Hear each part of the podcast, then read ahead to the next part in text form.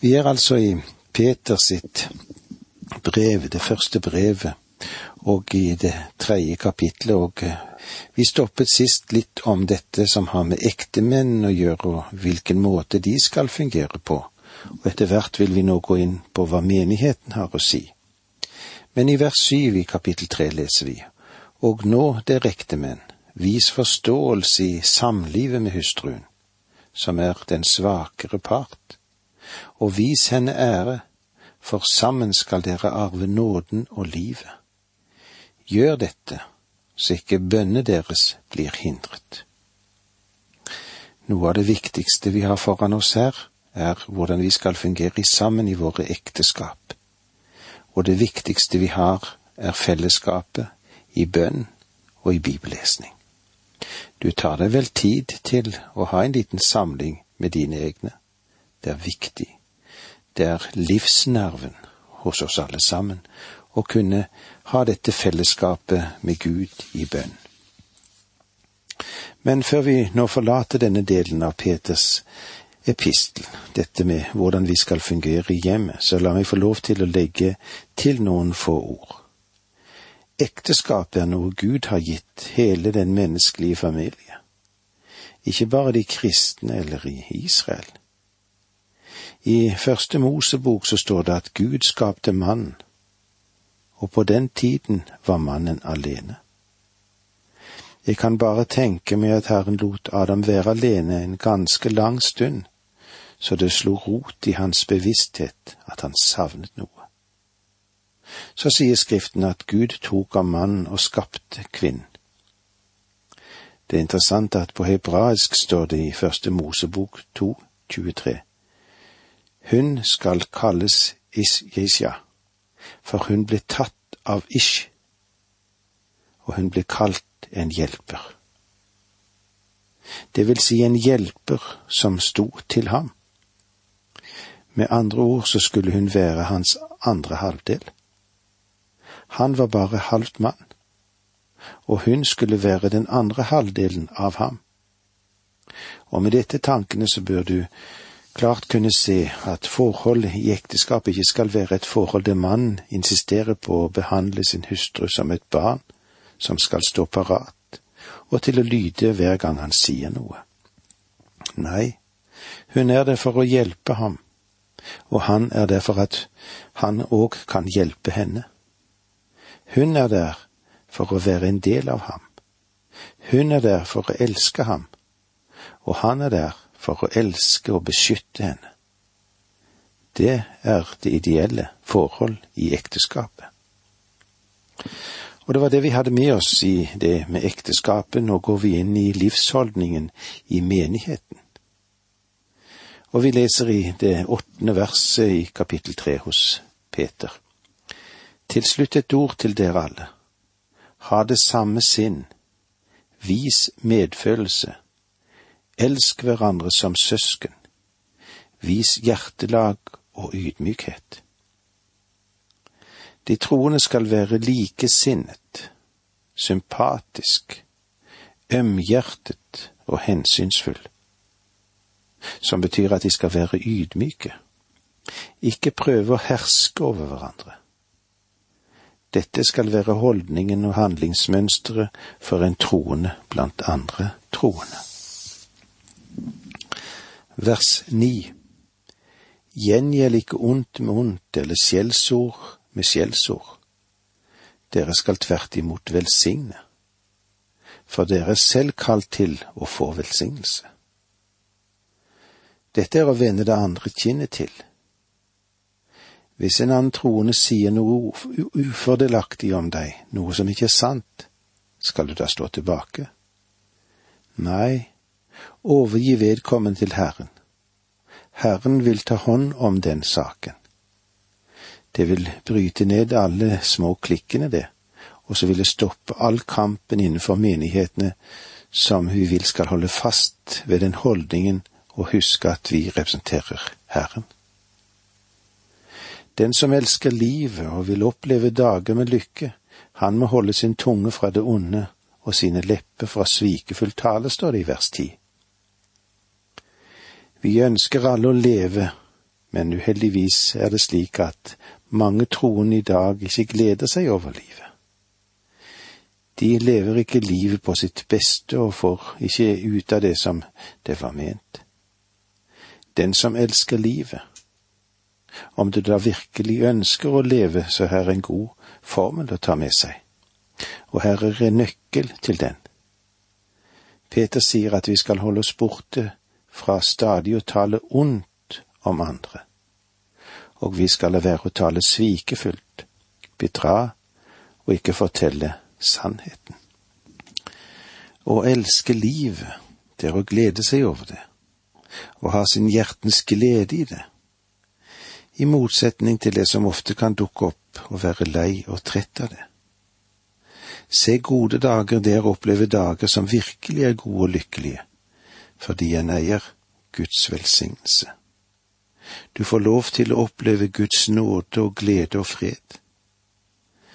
Da kan selv dager med motgang og kanskje motstand, trengsel være gode, for selv det bitre skal bli til fred. Skal en kunne leve et slikt harmonisk og lykkelig liv, gjelder det først og fremst å styre tungen. Han må holde tungen borte fra det som ondt er, fra ukjærlige og harde og spottskor, fra forbanning og skjelling. Ikke minst er det viktig å holde sine lepper borte fra det å tale svik, som vi òg ofte sier, fra usanne, falske og uærlige ord, så ødelegges både gudslivet og livslykken. Ordene er så å si sjelens speil, det. Det viser hva som er hjertets innhold. Derfor spiller våre ord en stor rolle òg på dommens dag. I vers elleve leser vi slik. Han må vende seg fra det onde og gjøre det gode, søke fred og jage etter den. Et Guds barn skal ikke bare sette seg ned og se from ut. Nei, la oss leve livet. Men la oss ikke leve det ved å handle ondt mot noen. La oss leve det ved å vende oss fra det onde og strekke oss etter det som tjener til fred. La oss leve for Gud i dag. Det er viktigere enn noe annet vi kan gjøre. Altså, det er ikke bare talen vår, samtalen vår, pratet vårt, men det gjelder hele livsholdningen vår. Og det gjelder særlig i den tid som vi nå lever i. En ond og fredløs verden. Og vi må ikke være med å øke ufreden og striden, men vi må hjelpe til å søke fred. Intens burde det være noe som higde etter dette i våre egne liv. Jage etter den så han stifter fred. Så sant det er mulig, da. Det er viktig å holde fred med andre. I vers tolv leser vi slik. For Herrens øyne følger de rettferdige, han vender øret til deres bønn. Men Herren vender seg mot dem som gjør det onde. Dette er et sterkt vers som vi har i Bibelen vår. Bibelen siterer her Salme 34. Herrens øyne følger de rettferdige. Han vender øret til deres rop, men Herren vender seg mot dem som gjør ondt. Han vil utrydde minnet om dem fra jorden. Ja, slik står det i Bibelen. Det er et sterkt vitnesbyrd vi her får fra denne salmen. Det er noe som Guds ord har understreket en hel del òg, det. Gud har gitt garanti for å høre bønner som kommer fra dem som er hans egne. Og merk deg at han har ikke garantert at han vil lytte til bønner fra dem som ikke er hans egne. Den eneste bønn en synder kan be er, Herre, jeg tar imot Jesus Kristus som en frelser. Jeg ber om at du tar imot meg som en synder i ham. Det er en bønn Gud vil høre, og det er en bønn som Gud vil svare. Mange mennesker kan ha den forståelsen av at en gammel kjeltring kan leve hvilket som helst liv han ønsker, og så komme til Gud i bønn når han er i vanskeligheter, og venter da at Gud vil høre ham og svare ham. Får jeg lov å si til dere? Noe ganske enkelt, da. Dette er tøv. Det finnes ikke skriftmessig dekning for det. La den gamle kjeltringen få sin sak i orden med Gud først, og så vil Gud høre og svare ham på hans bønn i etterkant. La meg gjenta. Herre, jeg tar imot Jesus Kristus som en frelser. Jeg ber om at du tar imot meg som en synder i ham. Og med disse ordene sier vi takk for nå, må Gud være med deg. Dette undervisningsprogrammet består av to deler. Åge Nevland fortsetter nå med andre del av dagens undervisning. Vi er i Peters første brev, kapittel tre, og eh, vi ser hvordan det skal fungere i menighetene, hvordan vi skal fungere for hverandre og med hverandre. Det er ofte vanskelig å få dette til, men godt er det å vite at Herren er den som tar seg av oss og hjelper oss. I vers tolv i det tredje kapittelet leser vi slik:" For Herrens øyne følger de rettferdige, og han vender øret til deres bønn. Men Herren vender seg mot dem som gjør det onde. Herrens øyne ser til sine egne hans øyne farer over all jorden, og ser med glede på de som går på rettferdsvei. Og han ser og han hører når de rettferdige ber. Hans ører er vendt til deres bønn, så han er rede til å bønnhøre dem. Det er godt å vite at Herren er slik. Men Gud holder også øye med de urettferdige. Herrens åsyn er imot dem som gjør ondt, men nå som en mørk tordensky, og de lever under en stengt himmel. De har Gud imot seg, men Herrens øyne ser, og han våker over oss alle. I Forkynneren 2.17 leser vi vitnesbyrdet fra en mann som er prøvd med alle ting i livet. Han har levd som et syndens barn, og han sier, Da ble jeg lei av livet, for jeg mislikte det som skjer under solen. Alt er tomhet og jag etter vind. Hvor mange menn og kvinner er det ikke som lever alt for alt det som finnes i denne verden, og så plutselig gi opp. De våkner, og så ser de det er ikke verdt noen ting. Hvordan er livet? Tomt. Livet er ikke verdt noe. Ikke rart at mange mennesker tømmer tablettglasset og gir seg med en kule i pannen. De orker ikke mer. Heller er det ikke rart at noen hopper i havet eller kaster seg foran et tog. Ikke rart at noen tar en overdose. Jeg tror fremdeles det er sant at å komme i et rett forhold til Gud er å få åpnet muligheten til å leve livet på et stort lerret som er på sitt beste. Det betyr at et Guds barn lever på et høyt plan, ja, så høyt at verdens problemer på en måte ikke når oss. Lytt til hva Peter sier oss i det trettende verset her i kapittel tre. Hvem kan gjøre dere noe ondt hvis dere brenner for det gode? betyr det at Gud gir oss rustning slik at ingen kan røre oss i det hele tatt. Vers 14. Men salig er dere om dere lider for rettferdighets skyld. Vær ikke redde for dem, og la dere ikke skremme. Å lide for rettferdighetens skyld skulle gi et Guds barn glede, det. Noen kristne opptrer anstøtelig i sitt vitnesbyrd for andre og tror at de med det står for Herrens sak. Det er ikke alltid så. Men om vi enkelt tar vår stilling for det rette og for Gud, så bør vi glede oss om vi lider for den sakens skyld. La meg få lov til å gjenta. Du kommer ikke unna lidelse i denne verden om du er et Guds barn. En har sagt det på denne måten. Jesus talte ofte om kristendommen som en fest, men aldri som en piknik. Han eh, sa aldri det at den kristnes livsvei er som den rette landevei. Nei, livet er bråget, men han har lovt å være med oss. Når vi kanskje møter forfølgelse fra evangeliets fiender, så ligger det nokså nær for oss alle sammen å bli redd. Men vi trenger ikke bli redd. De kan ikke gjøre oss noen skade for evigheten, men de kan skade oss litt på livsvandringen.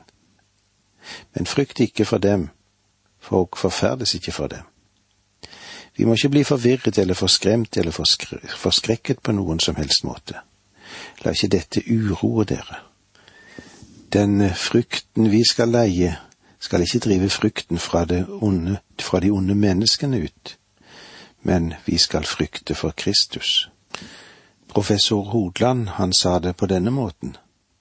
Som den over verden opphøyede Herre, der som sådan har alles skjebne i sin hånd. Når de frykter ham og ellers ingen andre, kan de alltid være frimodige over sine motstandere. Det er godt å vite. For han har all makt i himmel og på jord, og skal til sist legge alle sine fiender som skammel for sine føtter. Derfor er det ham de skal frykte. Vi får lov å håpe på ham, og vi får lov å sette vår lit til ham. Jeg håper at jeg kan få lov til å kaste noe mer lys over det neste verset på en slik måte at det vil velsigne hjertet ditt. Jeg vil iallfall forsøke å gjøre det jeg kan for å få dette til. Så i vers 15 i kapittel 3 leser vi slik. Men hold Kristus hellig som Herre i hjertet Vær alltid beredt til forsvar når noen krever dere til regnskap for det håp dere eier. Det betyr at du må vite mer enn litt smått her og der i Bibelen. Det tragiske er at det er så mange som sier at de er kristne, men de lar alle skeptikere få lov til å binde de, vikle de inn i argumenter som vi ikke kommer ut av som en liten kattunge vikler seg inn i et garnnøste. De kan ikke sette seg fri. Hvorfor? Fordi de ikke kjenner Guds ord så godt som de burde. Det er viktig å ta til seg det Gud sier gjennom sitt eget ord. Hold Kristus hellig som Herre i hjertet. Der skulle det være en liten helligdom i våre hjerter. Er det det?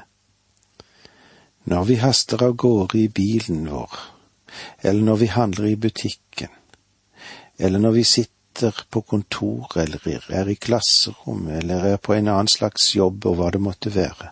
Alle har vi vårt. Men finnes det et lite kapell i ditt eget hjerte, der du kan trekke deg tilbake og helle Jesus som din Herre og Mester i ditt hjerte? Det betyr at vi ikke alltid nødvendigvis må vitne med munnen eller komme med noen fromme fraser for å ha et tillitsvekkende vitnesbyrd. Men det å hellige Jesus som Herre i ditt liv, det bør være sentralpunktet for et helliggjort liv. Ja, sannelig trenger vi det i dagens opprevne verden. Ha et sted hvor Jesus får være Hold Kristus hellig som Herre i hjertet. Profeten Habakuk skrev det på denne måten i det andre kapitlet, vers 20. Herren er i sitt hellige tempel, vær stille for ham, all jorden. Vi merker stadig brudd på helligdagslovgivningen. Det lille vi har igjen av den, det er langt fra slik at hele jorden er stille for ham. Hvorfor? Fordi den enkelte av oss må hellige Jesus som Herre i våre hjerter. Vers 16 Men gjøre det ydmykt og med frykt, så dere kan ha en god samvittighet. De som snakker rundt om deres gode livsførsel som kristne, vil da bli gjort til skamme med sine beskyldninger. Med andre ord, Vær sikker på at de som taler rundt om deg, tar feil. I dette verset så sier Peter, ha en god samvittighet, slik at når du hører de ryktene som går om deg, så vil de ikke bry deg, for du vet at det ikke er sant. Vers 17 Det er bedre å lide når en gjør det gode, om så er Guds vilje, enn når en gjør det onde. Om du lider for Kristi sak, så kan du glede deg over det. Om du lider fordi du har oppført deg tåpelig, fordi du er kommet i vanskeligheter på grunn av din manglende omtenksomhet eller synd, da er det en helt annen sak. Men gjøre det ydmykt og med frykt, så dere kan ha en god samvittighet. De som snakker rundt om deres gode livsførsel, som kristne, vil da bli gjort til skamme med sine beskyldninger. Motstanderne, de vil bli til skamme.